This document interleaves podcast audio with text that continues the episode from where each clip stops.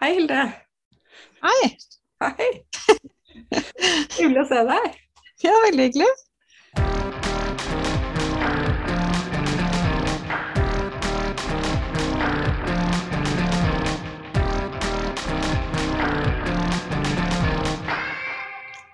Velkommen til en ny episode av Stolthet og fordom. I dag så skal vi snakke om eh, prisutdelinger som eh, kommer på, høst, på høsten. Ja, det er i hvert fall eh, veldig sånn tett i tett i tett med priser på høstparten. Ja, så vi tenkte rett og slett at vi skulle vie en hel episode til litteraturpriser og juryarbeid. Ja.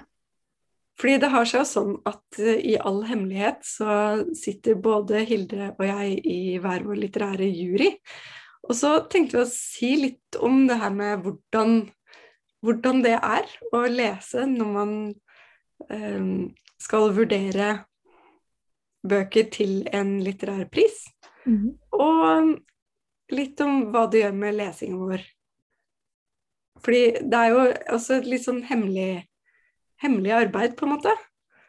Ja, jeg syns jo det er litt så rart det, at det skal være så hemmelig. Og så er det jo litt forskjell på Jeg vet ikke helt hvorfor det skal være hemmelig, men uh, det har jo alltid vært litt sånn hylla i mystikk, det her når man sitter i forskjellige priser. Og Brageprisen har jo vært veldig opptatt av at uh, jurymedlemmene ikke skal uttale seg spesifikt om arbeidet de gjør, f.eks.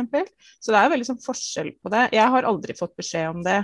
Jeg sitter jo i Aschehougprisen. Uh, men samtidig så er det jo litt sånn det er mye hemmelighet i det arbeidet jeg gjør. Jeg kan jo ikke si hvem som blir vurdert, f.eks. Eh, bortsett fra den som vinner, da, for det er jo offentlig. Eh, så det er klart at det er jo en del hemmelighets... Eh, ligger en del hemmelige ting i det arbeidet man gjør. Det er jo både spennende og litt sånn rart, da. At man sitter og leser masse man ikke kan snakke med noen om, bortsett fra ja. de du sitter i jury med. Ja, det gjør det jo litt uh, interessant uh, også. Men så akkurat det der hemmelighetskremmeriet er jo litt sånn rart, fordi når prisene deles ut, så kommer det jo fram hvem som sitter i juryen. Mm. Men vi skal, ikke, vi skal, ikke, dvele for mye ved akkurat eh, den biten, men heller snakke litt om hvordan det eh, oppleves for deg og meg, da. Eh, mm. Å sitte i hver vår jury. Nå glemte jeg å nevne at jeg har sitt, eller sitter fortsatt, i juryen til Stig Sæterbakkens minnepris. Mm. Um, Den har jeg også faktisk sittet i. Ja, det er ganske morsomt. Mm. er en liten verden. En liten er, det, er, det, et problem, eller er det et uh, Eh, ja, det kan man jo si at det er. Eh, og det tror jeg jo er eh, altså Jeg tror det er med rette at man når man leter etter jurymedlemmer, at man leter bredt. F.eks. hvor man bor, da. Og så er ikke det alltid så lett. Og så er det jo noe med at det skal være praktisk. Nå er det jo mulig å sitte på Teams, men det gjorde man jo ikke bare for ett år siden. Man satt jo ikke på Teams og prata sånn som vi gjør nå, eller på Zoom. Eh, så jeg tror jo at de som sitter i det arbeidet med å finne hvem som skal sitte i de forskjellige juryene, de er nok pålagt veldig ofte å tenke bredt. Og så blir det fort at det ikke allikevel blir sånn. Mm.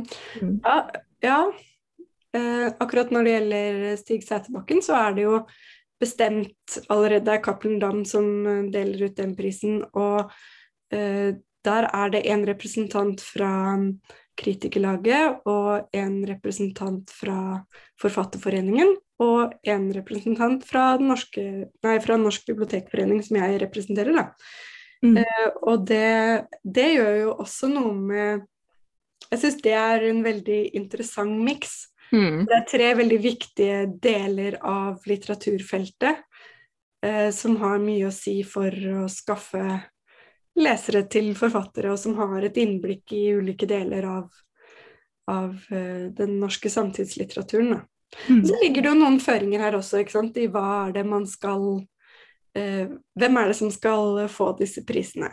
Og nå mm. har vi akkurat uh, delt ut årets pris til Victoria Kielland i vårt tilfelle. Mm. Det var en veldig velfortjent og god pris, syns jeg. Men premissene for prisen er jo at eh, det skal gå til en forfatter som har skrevet mellom to og fire bøker, og som viser at de har en egen stemme eller et prosjekt som er verdt å satse på, som vi tenker bør få en dytt videre, da. Eh, og det mm. syns jeg absolutt at Kielland er en veldig god eh, representant for, og virkelig en fortjent eh, prisvinner. Jeg er helt, helt, helt enig. Jeg fulgte med henne.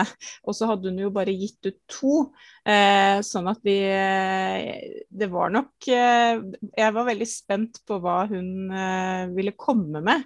Og tenkte at kommer hun med en knallbok, så må hun bare være på en sånn liste som ja. blir vurdert. Ja. Jeg kan vel avsløre såpass som at vi var veldig spente da mine menn skulle komme, og vi fulgte med på utgivelsesdatoen som hele tiden ble forskjøvet. Og det var ja.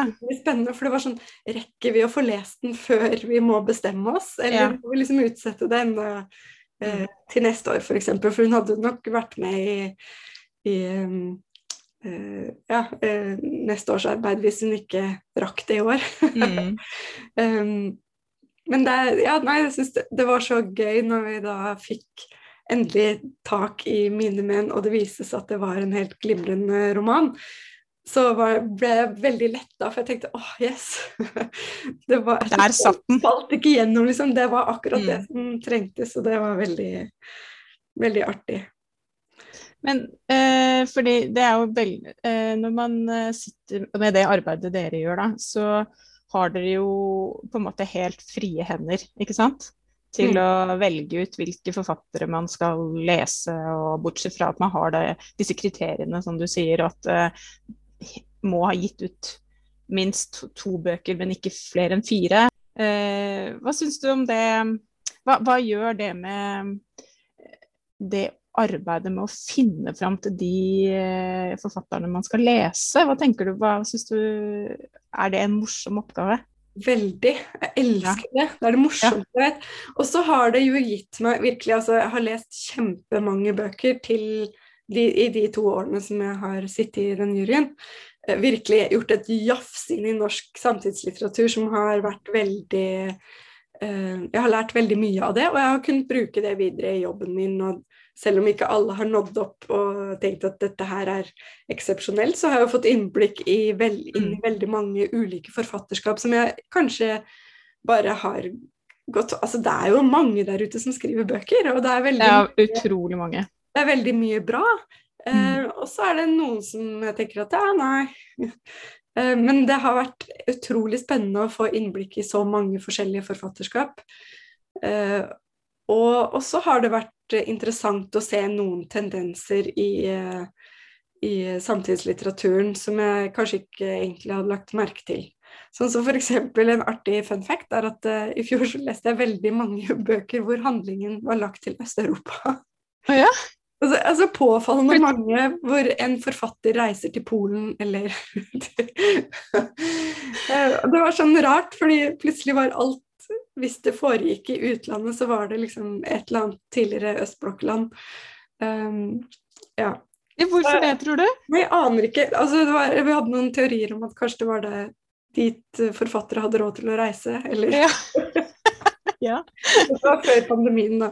Ja. Um, men uansett, eh, det blir nok også noen sånne eh, tendenser eller likheter mellom forfatterskap i en viss generasjon eller en viss, mm. uh, et visst segment. Da.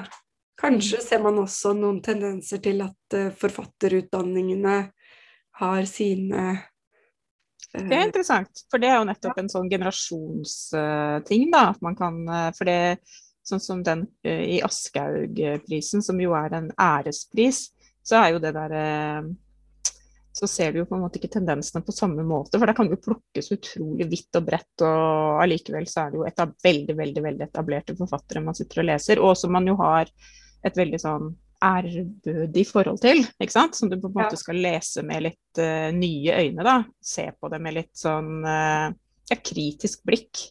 Uh, holder det, ikke sant? Holder det mm. Ja. det blir en helt annen innfallsvinkel igjen. Det synes jeg helt annet.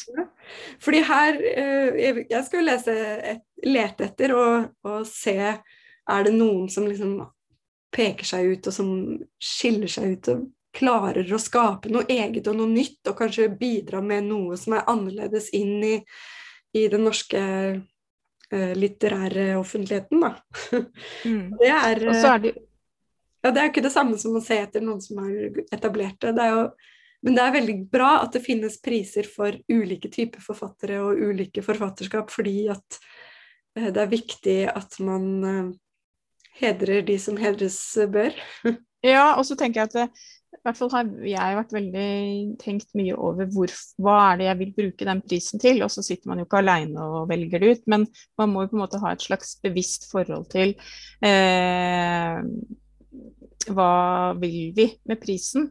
Eh, det har i hvert fall vi alltid diskutert. Hva er det vi egentlig vil? Vil vi hedre den forfatteren som egentlig alle tror egentlig har fått prisen for lengst? og så er det helt sinnssvakt at ikke vedkommende har fått det? Eller skal vi bruke prisen til å løfte fram et forfatterskap som kanskje ikke har fått den oppmerksomheten som eh, den burde ha hatt? Ja. Det er også spennende.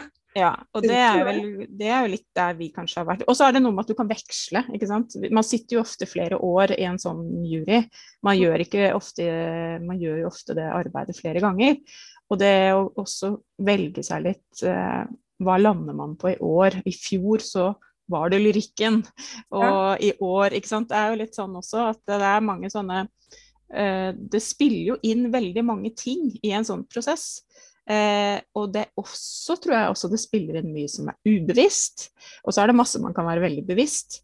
Eh, og så blir man litt sånn kjent med seg sjøl i forhold til um, Jeg syns i hvert fall jeg har blitt mye mer modig disse, disse årene jeg har sittet i Aschehoug-prisen. fordi de første årene var jeg veldig redd for å trå feil. Ja. Jeg sitter jo i et eh, Da satt jeg jo i altså, eh, Aschehoug-prisen er jo en ren kritikerpris. Det er jo arbeidsutvalget i kritikerlaget, altså arbeidsutvalget i litteraturseksjonen i eh, kritikerlaget, som da har også dette arbeidet med Aschehougprisen. Og Så da sitter man jo sammen med sine kollegaer som ofte man har et veldig sånn Ja, man beundrer noen, og andre kan man synes er litt skumle og Ikke sant? Ja. Eh, sånn at det første året jeg satt i Aschehougprisen, så var jeg nok litt hemma av det. At jeg var redd for å komme med en kandidat som ikke var god nok, som ikke ja. ble sett på som nok kred. Eh, ja, det er veldig interessant. ja, og at, og at, uh, at det kanskje At det prega nok mer mitt førstevalg. For det vi gjør i Aschehougprisen, er at ah, vi er fire stykker da, og så sitter vi uh, Og så nominerer vi hver vår kandidat. Uh, sånn at det er ingen andre som kan si 'nei, den vil ikke jeg lese'. Oi, det er veldig spennende. Og da må dere lese alt som den kandidaten har skrevet i hele forfatterskapet? Ikke, ikke, det, det, blir altfor stort, så det går ikke. Da, kan, da, velger man fire bøker. Man kan legge til en bok hvis man liksom føler at eh, det må til for at man skal få det hele overblikket, men da velger man fire bøker, og så velger man helt fritt om man vil ha helt til slutten av forfatterskapet, eller om man vil liksom spre det utover i forfatterskapet, eller eh, ja, osv. Så sånn at eh, det, det, er på en måte Én ting er at du skal komme med kandidaten, men du skal, du skal jo også på en måte vise litt hvem jeg følte jo også at jeg skulle vise litt hvem jeg var, ikke sant? Ja. Ja. For det blir jo litt sånn. Og da er det bare én kandidat uh, hvert år, liksom, som dere Nei, da er det én fra hver av oss som sitter i juryen. Så fire ja. kandidater blir lagt på bordet. Ja, men du, du ja. har litt ansvar for din kandidat, og da må, du, da må du lese deg opp på de du tenker er potensielle vinnere, da. Ja, så da må man først jobbe med den der indre lista, ikke sant. Hvem er det jeg vil nominere? Og det er jo et langt arbeid.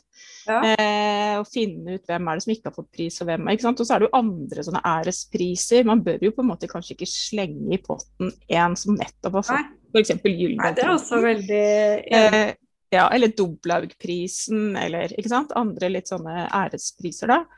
Eh, så ja. Så det er på en måte mange ting som spiller inn. Men det jeg syns har vært herlig, er at jeg liksom har gitt litt mer slipp på det derre riktige eh, For det er noe med å være trygg, da. Ikke sant. Det eh, være helt fersk i et sånt eh, Det i hvert fall prega meg. Eh, og så syns jeg det har vært veldig veldig deilig å kunne få litt erfaring og kunne si ja, jeg er god nok. Og, eh, og hva er jeg interessert i? Ikke sant? Hva syns jeg er spennende? Der var du inne på det der med fordommer igjen. Fordi eh, jeg opplevde det litt i starten eh, at eh, siden jeg er bibliotekar, så mm. jeg har jeg kanskje ikke lest så mye. Jeg bare øh. så, på en måte så er det jo litt sant. Jeg har ikke tid til å lese i jobben, så jeg kan ikke bruke tid Det har jeg ikke. Jeg har ikke tid til å lese på jobb og bruke en arbeidsdag til å lese. Det er ytterst sjelden. Kanskje en eller annen påskeferie eller noe sånt, men ikke Altså, all lesing jeg gjør, gjør jeg på fritida, og sånn sett skiller det seg jo fra de andre som har en mye friere arbeidshverdag og eh, ja. Nå sier jeg ikke at de ikke har noe å gjøre, men de, altså, de ja, ja, men man sitter og jobber tiden liksom sin litt annerledes, da. Mm. Uh, men jeg husker at det, jeg tenkte jeg bare Hæ, hvorfor tror dere ikke at jeg har lest noe, liksom? Jeg leser jo masse. Uh, så da ble jeg litt sånn OK, ja vel. Uh, ja, Så du følte at det, det, var fordommer mot din, det yrket ditt, rett og slett? Ja, rett og slett. Ja. Mm.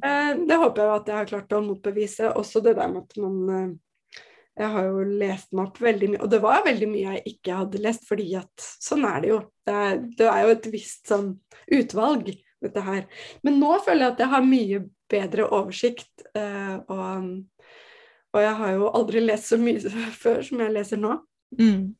Uh, det, er... det, husker jeg med Stig Setterbakken, at det er jo et enormt stykke arbeid. Ja, det er, uh, og det er selvfølgelig altså. det er veldig mye. Og så er det, og så er det jo selvfølgelig at man kan sette jo veldig føringer sjøl på hvor mye man skal lese. Altså Som gruppe kan man jo si vi skal ikke ha flere enn ti kandidater. Men så vil man jo finne den beste. Man ja. vil på en måte, Og så vil man ikke heller at uh, ja, Men ti kandidater kan jo fort være 40 bøker, liksom. Ja, ja, ja. Så det er jo... Også, jeg husker vi vi fordelte jo mye og, og, og stolte veldig på når én sa vet du hva, vi går ikke den veien. Sånn at det er jo, det er jo mange måter å gjøre det på, men det er eh, Stig Settebakken-prisen syns jeg er veldig interessant nettopp fordi du sitter og, og er i eh, du jobber med noe som er eh, Som veldig få egentlig har oversikt over eh, akkurat den gruppa der. Eh, også utrolig ja, gøy å tilegne seg den kunnskapen, da. Og rett og slett få øye på nesten en hel generasjons forfattere. Mm. Eh, ja. Jeg syns det har vært veldig lærerikt så langt. Jeg er halvveis i perioden min. Eh, kjempespennende. Jeg gleder meg til å ta fatt på, på flere bøker der, da. Sa du egentlig hvem som vant Aschehoug? Nei. Eh, det må du gjøre. Det må jeg gjøre. For det var jo et veldig sånn eh, uh, Syns jo det det var veldig spennende, fordi eh, at disse fire kandidatene kom eh, Vi gjør det jo sånn at vi får det Vi bestemmer oss for fire kandidater sånn i juni. Eh, sånn at da rekker generalsekretæren i Kritikerlaget, Anne Merete Prinos, og bestille alle bøker og alt mulig. Og så får vi sommerferien til å lese. Og da når vi, eh, de forskjellige kandidatene kom, så var det jo én forfatter jeg ikke hadde ett noe forhold til i det hele tatt. Oi, shit. Hvordan det, det? Nei, det var da, da, er jeg på en måte, som jeg sa, hadde det vært for eh, fem år siden, da, eller når jeg, for jeg har sittet en stund, da hadde jeg blitt stressa. Da hadde jeg tenkt å herregud, jeg henger ikke med i svingene i det hele tatt. Men nå så var jeg jo mer sånn å, så spennende.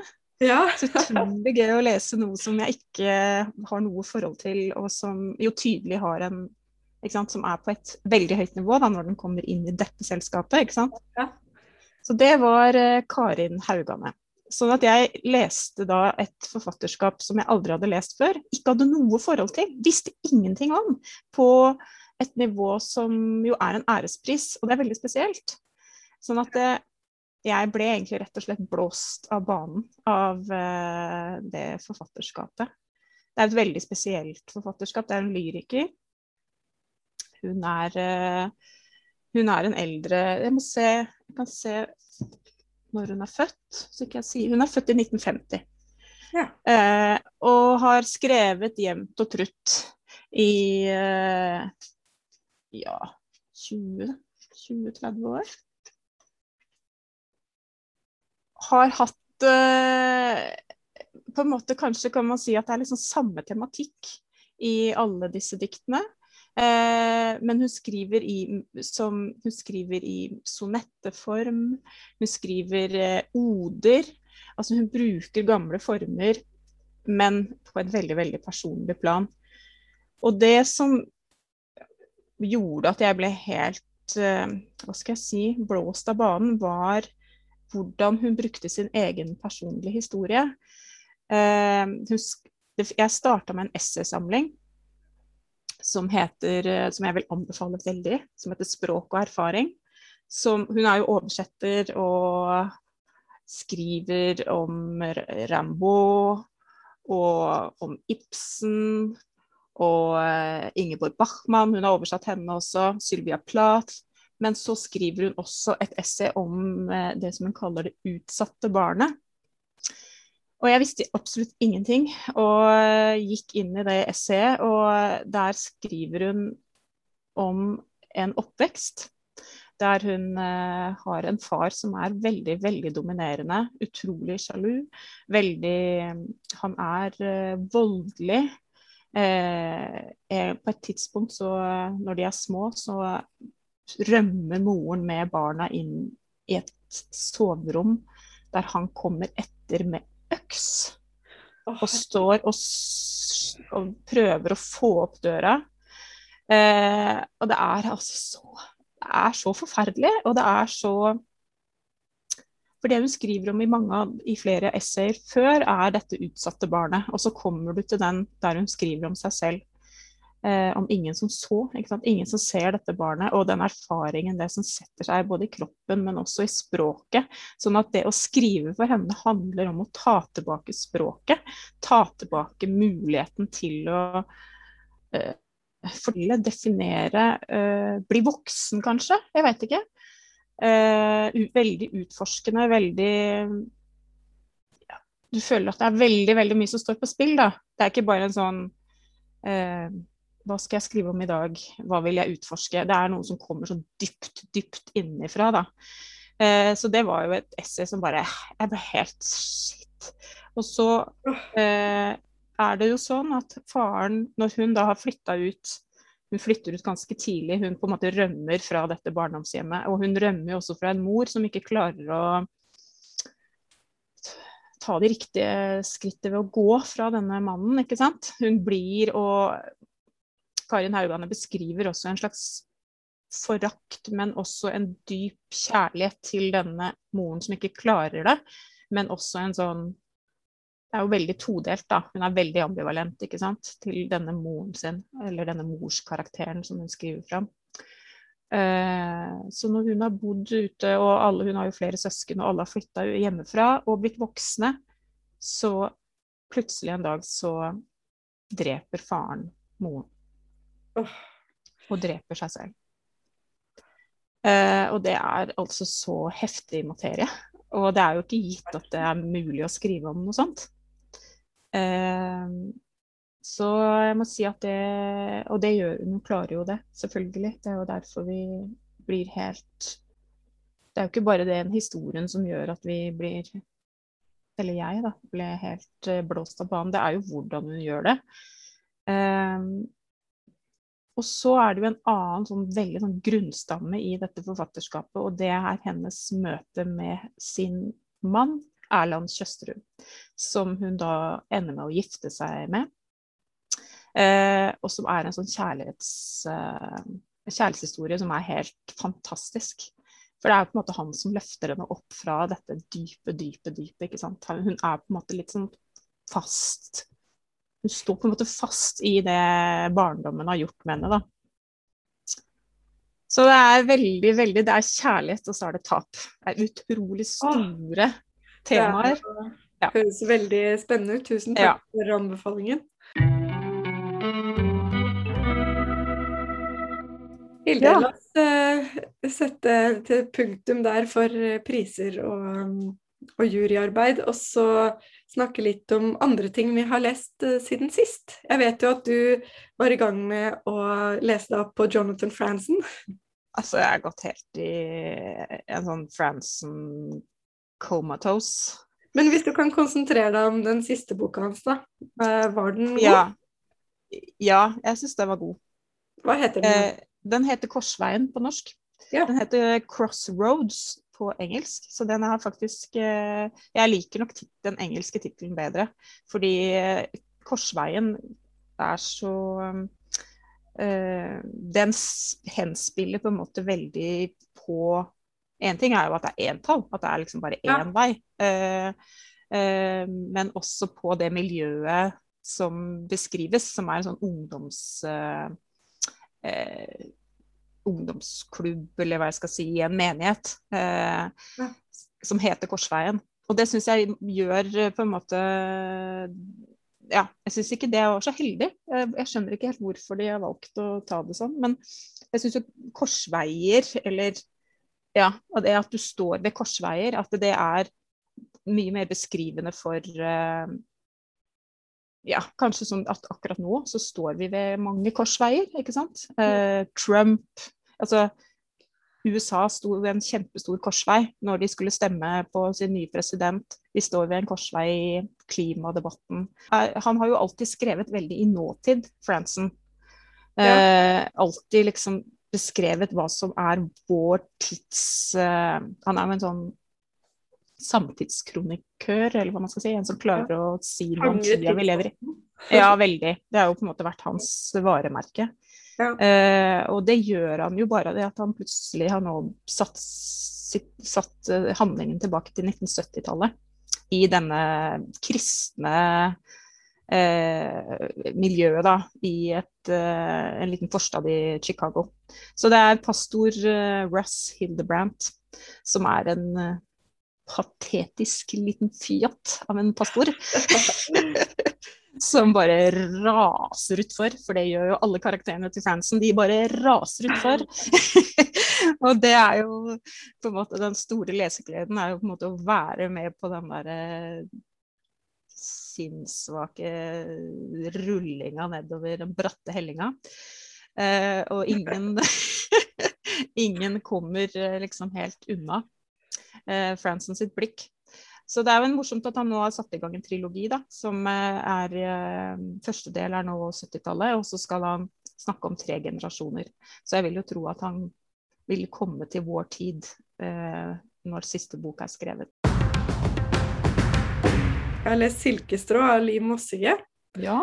Apropos det der med å liksom eh, ikke helt Eller jeg vet ikke egentlig om vi har snakka så mye om det, men jeg, jeg tenker sånn, det er noen bøker som gir litt mye motstand, da. Det har vi snakka om litt i det. Ja, ja. At eh, eh, ofte kan det være veldig veldig positivt. Eh, I, I 'Silkestrå' så møter vi en veldig dysfunksjonell familie der hovedpersonen heter Søss. Og hun er på ferie sammen med farmoren sin eh, på en øy, på en hytte. Og så er det en sånn foruroligende helt hele tida. Altså, hun Søss er veldig, et veldig rart barn. Hun er tolv år. Og, og forstår ganske tidlig at faren hennes har begått selvmord, og moren er ute av bildet. Så hun har ingen foreldre. Hun har bare den farmora, og hun farmora er liksom ikke noe særlig til type. Hun er litt sånn vinglete og litt gammel og sliten, men samtidig så Hun er ikke så veldig varm, da, syns jeg. Mm. Mm. Um, og så er det de to som er på denne hytta, og det er litt sånn, litt sånn trykka sommerstemning, egentlig. Og så kommer onkel Ole og har med seg sin resten av det dysfunksjonelle familien her. Eh, onkel Ole er da altså onkelen til Søss, eh, og Mm. den sønnen som farmor ikke er så glad i. Ja. Så det er liksom mangelfull kjærlighet til eh, sønnen, han sønnen, fordi han andre var mye bedre. Eh, og så har han med seg eh, den nye kjæresten sin, Wenche, og hennes sønn Anders, og hans egen datter Therese. Så det er ingen barn som har begge foreldrene sine der. Mm. Eh, De er liksom halvsøsken og stesøsken og Nei, det er vel bare stesøsken og kusine og fetter og sånn.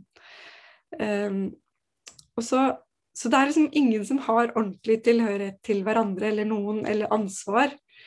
Og det hele flyter jo litt utover.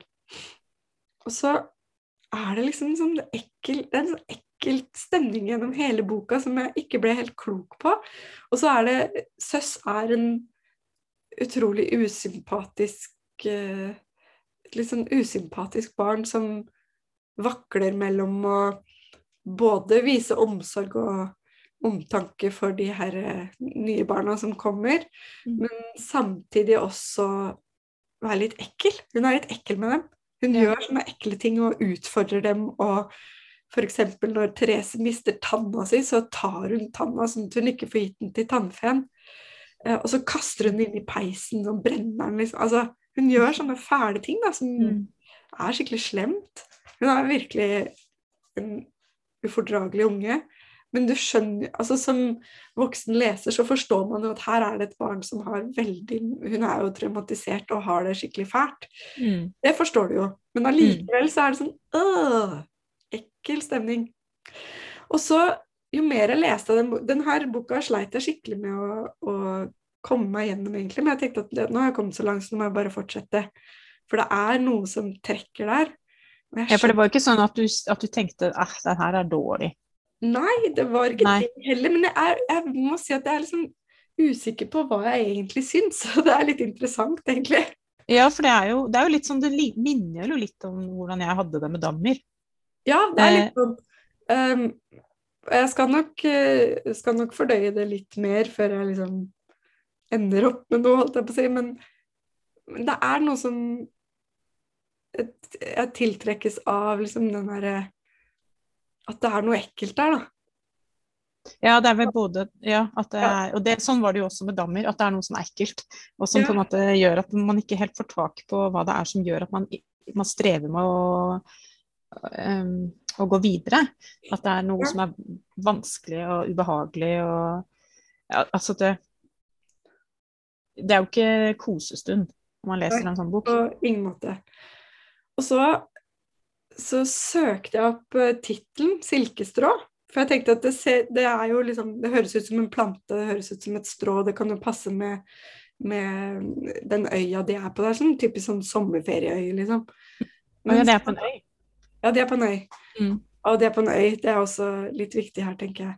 Mm. Um, men silkestrå og Jeg tenkte ikke noe over det først. Uh, men det er jo det mm, borettslaget hvor Anders Behring Breivik vokste opp.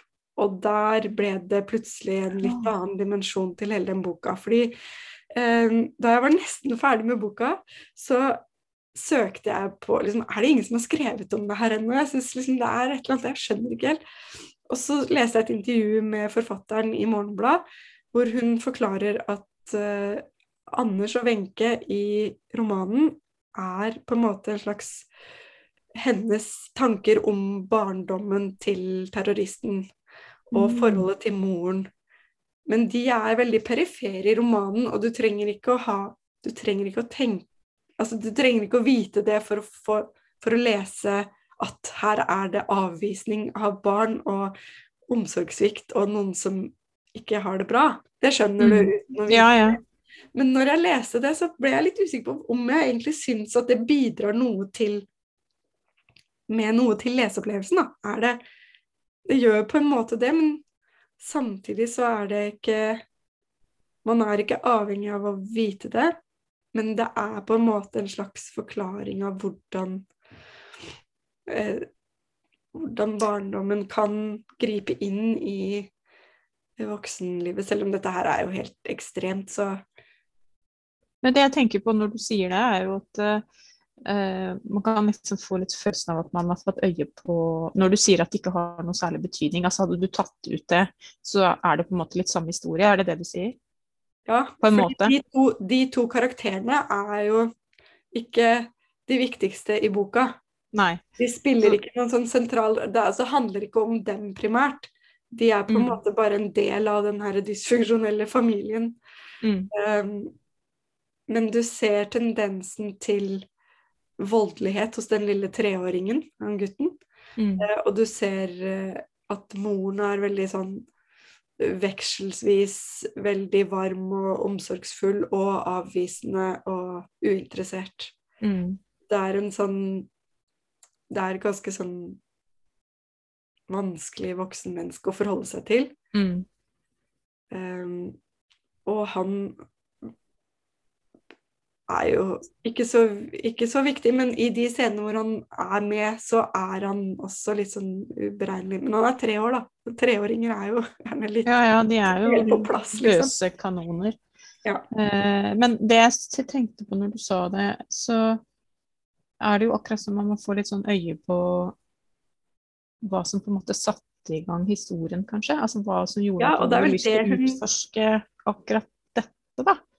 Ja, Eh, hun prøvde å si i det intervjuet også. Oh, ja. Mm. eh, At, eh, at det er et forsøk på å nettopp utforske liksom, hva er det som former et menneske i barndommen, da. Men som sagt så er jeg litt usikker på helt om jeg om jeg syns det er fantastisk, eller om jeg syns det er litt sånn passe. Ja, og så er det jo litt sånn Akkurat dette er jo litt sånn et trekk altså, Eller en eh, Det å gjøre det her er jo litt sånn Du skal jo på en måte begrunne det, eller du skal ha en god grunn til å trekke ham inn i et univers på den måten. For det er så betent og vanskelig, og det er så mange som er berørt. Vi er på en måte berørt alle sammen. Eh, jeg ville i hvert fall, hvis jeg skulle ha vurdert boka som kritiker, så ville jeg liksom ha spurt veldig sånn meg sjøl da, når jeg leste den. Er det riktig at, at disse karakterene er her? Er det, for hvis ikke det liksom begrunnes godt nok i universet, så burde de vært der da. Men det, det jeg vil eh, fram til, er at det, ofte er det de bøkene som gir meg mest motstand, og som er liksom vanskelig tilgjengelig, som man kanskje husker best, da. Hvis man Mm. holder ut litt. Mm. Og hvis man eh, Hvis man ikke gir seg, så er det kanskje Så er det ofte det som blir stående. Det skiller Mm. seg litt fra den mengden av, av litteratur som egentlig blir litt likt og intetsigende. Ja, helt, helt enig. Eh, som sagt, Dammy står jo i en sånn særstilling for meg. at hadde jeg bare kasta den i veggen, så hadde jo ikke jeg liksom Den hadde ikke, ikke sant, Det er noe med at den sitter så igjen. Og jeg vet, og den liksom har eh, blitt foredla. Den har, eh, det er liksom en årgangsbok som har liksom blitt foredla inni meg. Mm. Eh, mm. Og det er jo fordi Det er mulig fordi den ga mye motstand, og jeg måtte gi mye tilbake. Og så kommer på en måte ikke Jeg føler på en måte at ikke det skjedde før etter en ganske lang stund. da, At jeg kunne anerkjenne at det faderen er en ganske god bok. Ja, sant. Mm. Jeg tror vi avslutter der, Hilde. Tusen Mm. takk for praten. Takk for praten. Og tusen takk til alle lytterne våre som eh, hører på. Vi høres igjen neste gang. Ha det. Ha det bra.